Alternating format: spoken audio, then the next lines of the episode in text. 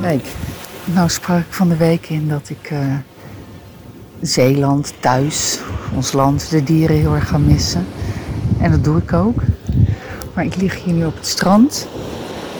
En ik weet niet of je op de achtergrond de golven tegen, tegen het strand hoort slaan. Maar ik kan je zeggen, het is best aangenaam. Ik zie daar twee van mijn kinderen in het water liggen. Het water is nog best wel fris, maar goed, dat vinden wij niet erg. En ehm, vlak voor mij ligt iemand met een beetje muziek onder een parasolletje.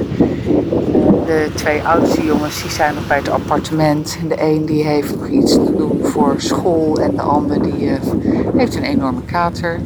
Ehm, mijn lief komt soms in deze kant op. En ja, hoewel, ehm, hoewel het geen Zeeland is, dat is natuurlijk heel erg gek. Is Portugal, het, het is hier prachtig en schitterend. En uh, het is best lekker om op het strand te liggen.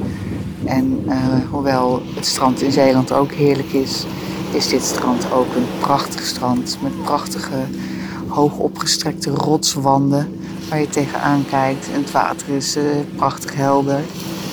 En um, verderop zijn een paar jongens capoeira aan het beoefenen. Ook leuk om naar te kijken. En uh, langs me aan druppelt het strand een beetje voller. Zo in de middag. En oh wauw, dan kan die echt heel mooi op zijn handen staan.